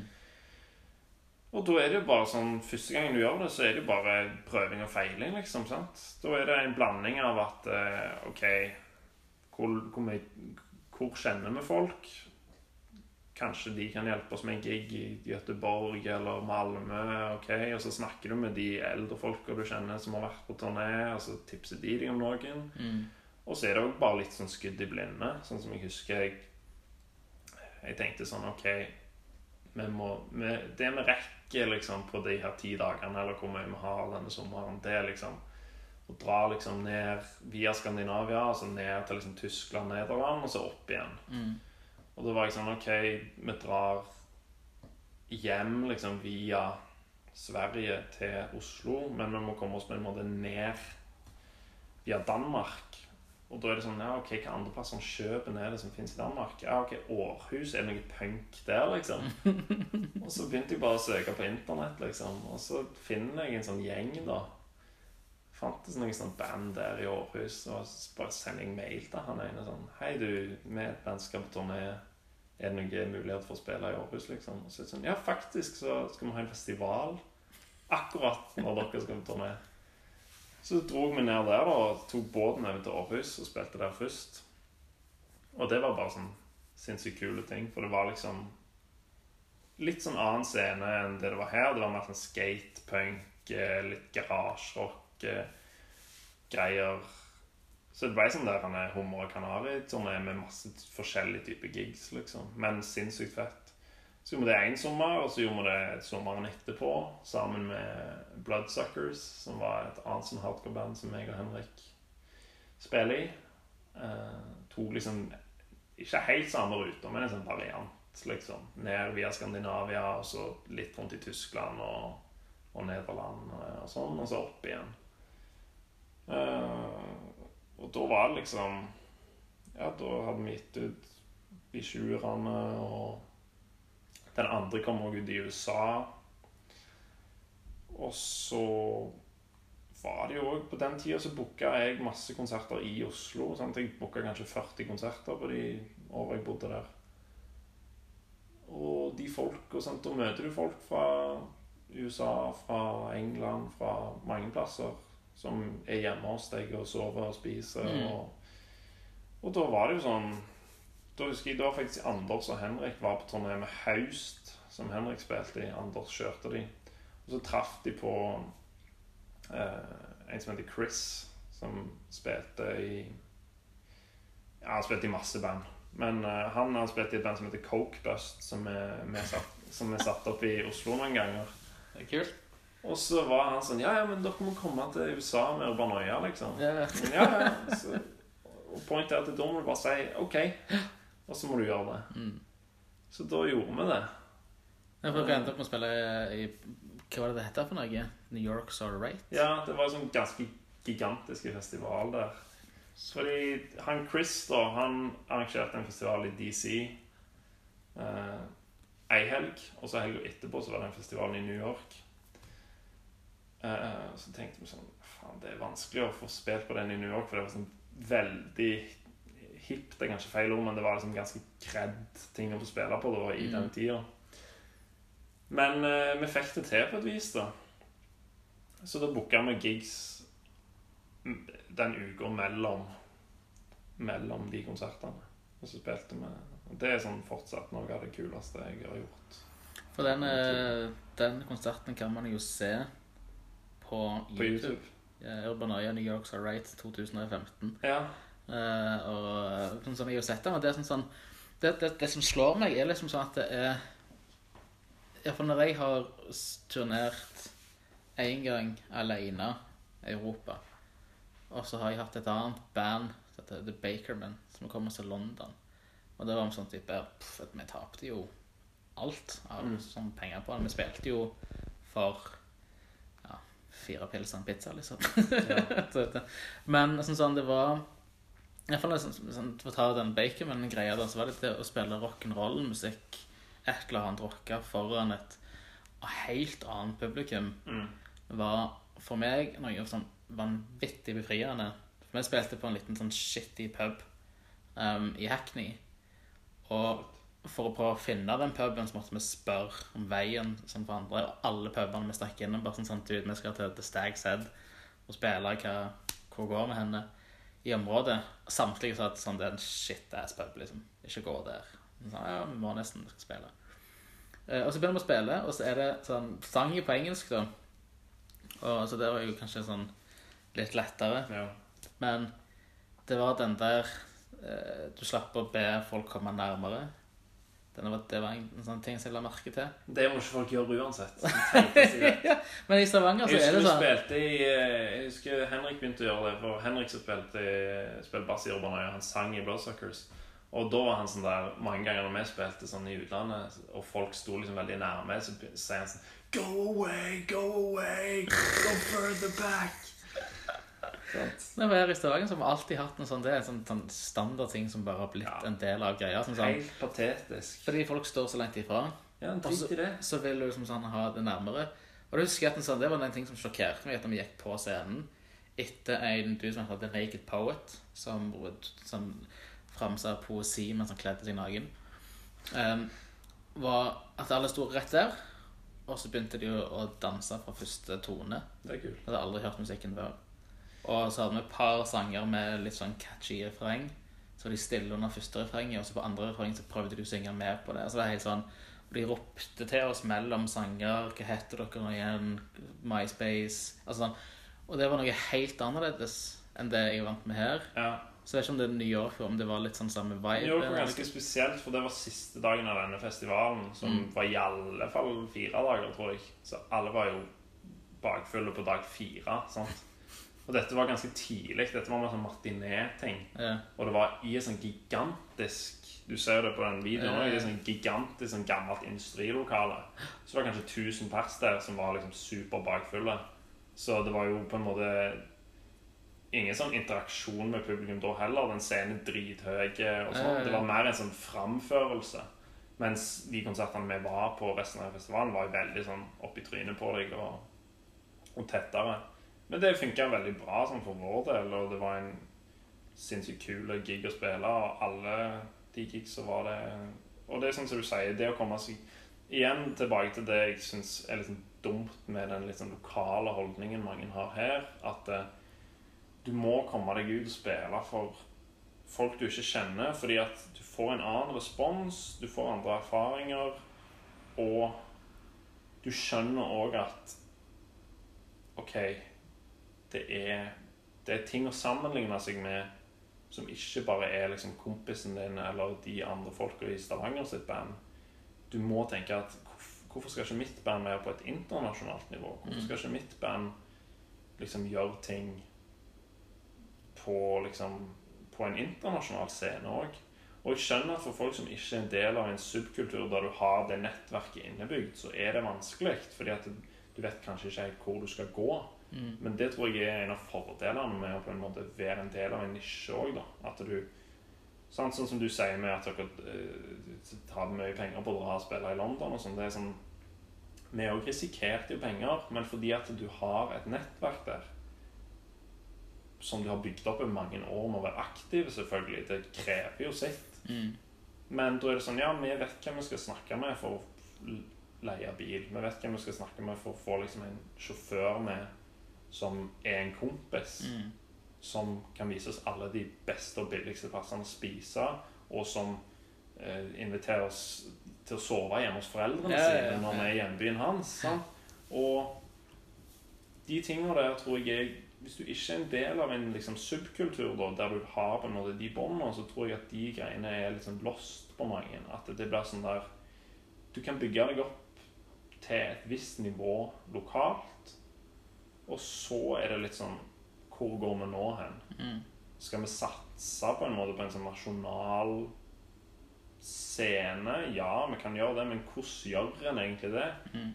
Det er, det er veldig vanskelig, og det, det er jo liksom fascinerende med, med den hardcore-scenen at jeg tror mange av bandene Det har jeg jo merka med Urban Maja òg, at uh, mange her vet på en måte ikke så mye om det. Men det er fordi at det, som et sånn type band, og som en, på en måte deltaker i den kulturen, så forholder du deg nesten mer til på en måte det internasjonale miljøet enn du gjør til på en måte den lokale rockescenen. sant? Mm. Fordi at det, poenget med en gang er å komme seg ut og spille. Poenget med en gang er å liksom gjøre ting uh, som er liksom opplevelser. Og som er der du knytter bånd med liksom folk over hele verden som du har ting til felles med. Så det er Jeg skjønner at det er vanskelig for folk å liksom finne ut hvordan de skal på en måte komme til et Ja. nivå. Men selv om du på en måte ikke har de subkulturelle forankringene, så tror jeg poeng nummer én er bare å komme seg ut og spille. altså. Nei, for jeg tror det, det er litt sånn, sånn researchmessig Så snakker vi veldig mange sånne unge rockeband om hva, hva, sånn, hva som er mål og mening uh, med dette her. Så jeg også liksom sånn litt, har jo alltid vært, vært liksom litt fan òg av den der å på en måte la de være og finne ut av shit, bruke noen år på det. Jeg var, sånn, sånn, jeg var ikke klar når jeg var sånn, i mitt første band, jeg var sånn 23, Nei, nei. og sånn, og, og der var det veldig sånn jag på å komme seg inn liksom sånn på P3 og Urørt og Ja. sånne ting.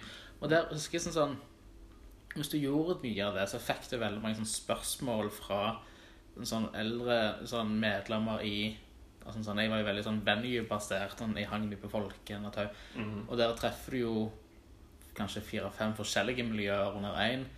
Da da får du veldig mange sånn, spørsmål om hva, liksom, sånn, hva er visjonen og hva er planen. Sånt. Jeg, jeg har ikke funnet ut av det helt, av det helt ennå. Sånn, jeg har ingenting å si ennå.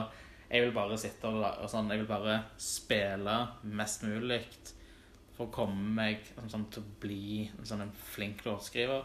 Ja. Og det er det som jeg også sånn Vi snakker veldig ofte om liksom, sånn mudslide, og det er òg sånn Jeg vet ikke sånn, om jeg kan sånn, de, Hvis jeg spør liksom, sånn, hvilke festivaler i utlandet du å spille på altså, sånn, Hvor mange kan nevne flere festivaler enn Glastonbury, Reading Leeds eller Roskilde? Altså, det finnes jo titusener av festivaler som kanskje er mer approachable, men for mange her i Stavanger så tror jeg sånn, sånn type Holy crap!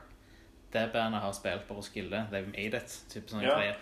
Og det, det, det er litt Jeg mener at eh, folk har en sånn der For meg er det veldig sånn rar måte å tenke på, for det er på en måte Det er fett å gjøre det hvis det er et poeng med det. Og jeg tror meg og deg er litt forskjellige på den greia òg. Fordi at, som jeg sier, jeg er i veldig liten grad en musiker. Jeg liker ikke å jamme. Jeg liker ikke å jeg, For meg er det her liksom mest Jeg motsier meg sjøl litt, men eh, For meg har det alltid på en måte handla mest om musikken, men det handler òg om å på en måte skape kultur, da. Mm. Uh, og jeg tror den her Sånn som jeg sa, at eh, mange her tror jeg har en sånn følelse av at de må liksom Ok, at det er sånn et slags spill der du må på en måte unlocke en sånn next level hele Ja, tida. ja, ja. At sånn, ok, Først skal vi på checkpoint, og så skal vi på Folken. Og så, sant, og så kanskje vi får spille på, sånn som du sier, på Roskilde eller ditt Mm. eller datt. Ok, du kan gjøre det, og du kan lykkes med det. Uh, men de bandene herfra som har lyktes med det, sånn som Kvelertak f.eks., de har jo nummer én spilt hele jævla landet rundt Mm. Før de spilte på Roskilde. Mm. De har spilt på alle lokale festivaler, alle lokale drittplasser. Enten alene eller som support for noen, Mm. eller sånn, Du må ofre ting, da, Ja, ja, hvis du skal lykkes på det nivået. Mm. Også, men da må du òg velge ok, Skal jeg satse på å bli sånn et nasjonalt anerkjent rockeband? Det er veldig vanskelig. Fordi at det, det er ikke det som er hot nå for tida. sant? Hvis du vil bli liksom anerkjent i liksom mainstream Norge, så må du gjøre noe annet enn å spille rockeband. Hvis du ikke er Oslo S eller Kvelertak. Er sånn, sånn, Men det går an å gjøre ting Ja. som er nisjete. Der du kan legge en plan, og du kan finne ut ok, vi skal gjøre sånn og sånn og sånn. Og sånn Og så kan du nå de jeg, altså, jeg at eh, måte, jeg, jeg er litt motsatt av deg. Jeg føler at folk er altfor lite bevisste rundt de tingene her. Og altfor lite sjølbevisste òg, med å på en måte skjønne hvem de er. Og det er vanskelig. Det er vanskelig å være sjølbevisst og reflektere rundt sin egen rolle, eller hvilken posisjon du har som band.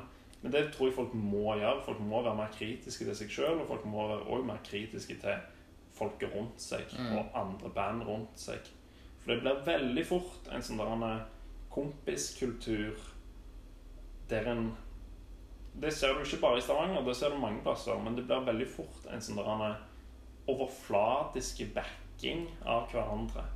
Der en liksom er liksom Ja, bra, bra konsert. eh, Bra sett. eh, Fett. Ja, ny singel. Ja, kult, liksom. Men så er det ingen som egentlig føler det. Det er ingen som liksom Sånn som jeg sier, når jeg gikk, når jeg gikk og så Pure Fine Blood, så var det sånn en livsendrende opplevelse Ja. Det var bare sånn insane, da.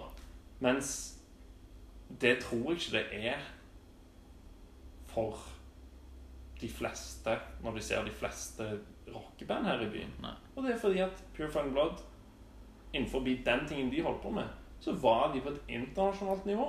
De kunne konkurrere med hvem som helst innenfor den sjangeren. Mens de fleste band som holder på her, de er bare et de er bare noen locals, liksom. Mm. Og det høres kanskje krast ut, men Nei, men jeg, jeg, tror det, jeg tror det handler om altså, sånn, hva, altså, sånn, de målene man setter seg. Eh, for hvis målet til, til sånn, ditt lokale rockeband er til å bli Norges beste rockeband, så er det en sånn type OK, én innser hva det betyr, og, Ja. sånn, og da kan du ikke Det holder ikke å spille checkpoint fire ganger i året. Det betyr, at du altså, må, det betyr at du må da satse du- alt på det. ja, da må du ut. Uh, så der, der er jeg helt enig. Og der Jeg tror sånn, sånn, det er veldig få nå som egentlig da tør, fordi, sånn, sånn, fordi rockemusikken, iallfall nasjonalt, og har den posisjonen det har, at det er sånn tilbake igjen til sånn suburb, sånn det ligger liksom sånn i subkulturen, med mindre du er i de Det er jo de samme rockebandene vi snakker om. Mm. Altså sånn Kvelertak er jo snart 20 år gammelt, hvis du tar med hele historien deres. Eh, og, og sånn Skambankt holdt på i 30 år. Det er de samme folka da, hele tida. Mm. Men det de gjorde, var jo det Når du snakker med dem, og du treffer dem på sånn, enten konserter eller whatever, så er det sånn, sånn type De har jo hundrevis av historier om sånn å spille på kinoen i Moi for fire stykker. Og fellestrekk for alle de store rockebandene i Norge, det er at det er folk Gjerne ikke absolutt alle, men de aller fleste folk i de bandene kommer fra punkscenen. De Mm. kommer fra å ha spilt i punkband. De kommer fra å ha vært ute og spilt masse med andre band før de gjorde det bandet som blowa. Mm. Sant? De har vært ute på de her klubbene og de her eh, bydelshus og bygdahus og mange ganger før de var ute med, med suksessbandet sitt. Og de har sannsynlig vært der og spilt med suksessbandet sitt to og tre ganger før de var et stort band. Sant? Og det er jo poenget at ok, hvis du vil på en måte satse og lykkes, da må du satse skikkelig. Og det er hardt, og det er vanskelig, og det, det har ikke jeg evna gjort med noe band ennå. Men jeg tenker sånn Ja. Jeg føler bare Da må du være ærlig om det heller. Mm. At det, det er ikke det jeg gjør med livet mitt. Mm. Hvis du bare skal være et sånt der en lokalt rockeband, da kan du være det, og det er helt greit. Mm. Men ikke skap noen sånne fantasier om at du er noe annet enn det.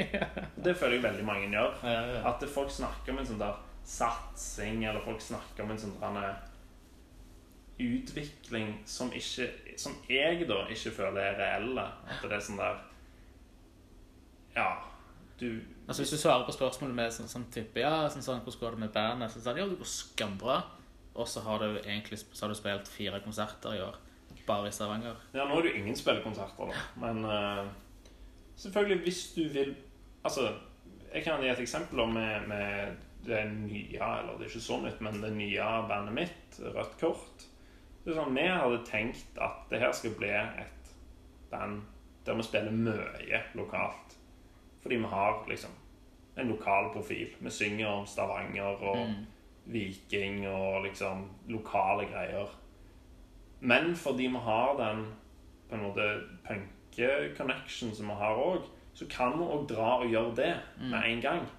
Men du vil på en måte fungere på forskjellige måter i de forskjellige kontekstene. Mm. Hvis vi drar til Oslo, eller hvis vi drar til Sverige, eller hvor som helst og spiller, så er vi på en måte et punkband eller et oi-band innenfor den subkulturen. Mm. Mens her i Stavanger så kan vi være et sånt rane eh, lokalt eh, folkelig eh, fotball- og ølband. sant?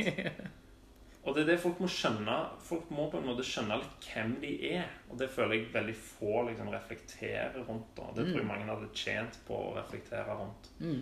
Eh, og jeg er helt enig med deg at folk må få tid til å utvikle seg. Det er kjempeviktig. Men når du begynner å bli Når du er liksom 25, når du er liksom du, Så føler jeg mange fortsatt famler blinde, da. Det Ja, for jeg tror, jeg tror det har med at, sånn at man ikke tør å ta, ta seg sjøl og musikken seriøst. For du har liksom ikke mm. lyst til å havne i en slags sånn klisjéting. Men det er liksom sånn Hvis du da ikke tør alene eller bare med bandet ditt, enten det eller å finne ut liksom sånn Nå er det dette her jeg skal gjøre. Jeg satser på musikken. Og så øver du en gang i uka. Sånn, sånn, det er jo ikke det som er satsing på Det noe er det vi gjorde med Jakob Håkonmann. Ja. Det var det det endte opp med. Vi var sånn Ja, vi skal satse. Og så øver Og så ble det liksom et slit å dra seks stykker på øving. Ja. Og vi visste ikke egentlig hva vi skulle gjøre. Og sånn føler jeg mange holder på. Eh, For det tror jeg det hadde vært ganske sånn friskt pust, tror jeg. I alle fall for min del, hvis du hadde truffet Nå er det jo sånn som Jesper sa i forrige episode, så er det sånn, sånn det virker som at det er mer band nå eh, lokalt enn det det var eh, for ti år siden. Så han har sett liksom sånn, en- sånn en, kan være, jeg vet ikke. Jeg Sånn- følte det var masse band. Altså, Hardcore-scenen var mye mer aktive. Og det miljøet som jeg var i, var det jo Vi spilte jo med masse band rundt på bydelshus og sånn. Men jeg føler det er flere band innenfor forskjellige sjangre. Det kan godt være. Så det er liksom sånn type i hvert fall, I Korte klør så er det sånn sånn Vi har jo ikke syv andre garasjerockband og liksom sånn å være i et miljø med. Det er liksom Det er liksom oss, og så har du Ish Brille-Jesus. Men, da, men da henger vi liksom sånn med, med de eller med Valp eller med Dangerface, som er en helt annen sjanger. For det er liksom Jeg tror det har liksom så Det eksisterer bare jeg tror, I mitt syn så eksisterer det bare ett miljø lokalt som jeg går under lokalmusikksjangeren. Ja, og det er jeg, det er jeg uenig i. da. Ja. Jeg syns det er Ja. Det syns jeg er et av problemene. Som sagt, det synes jeg er et av problemene. At folk er på en måte Folk sammenligner seg bare med andre lokale band. Sånn Uavhengig av hva de spiller, uavhengig av hvordan de høres ut, så er det på en måte den verden du eksisterer innenfor.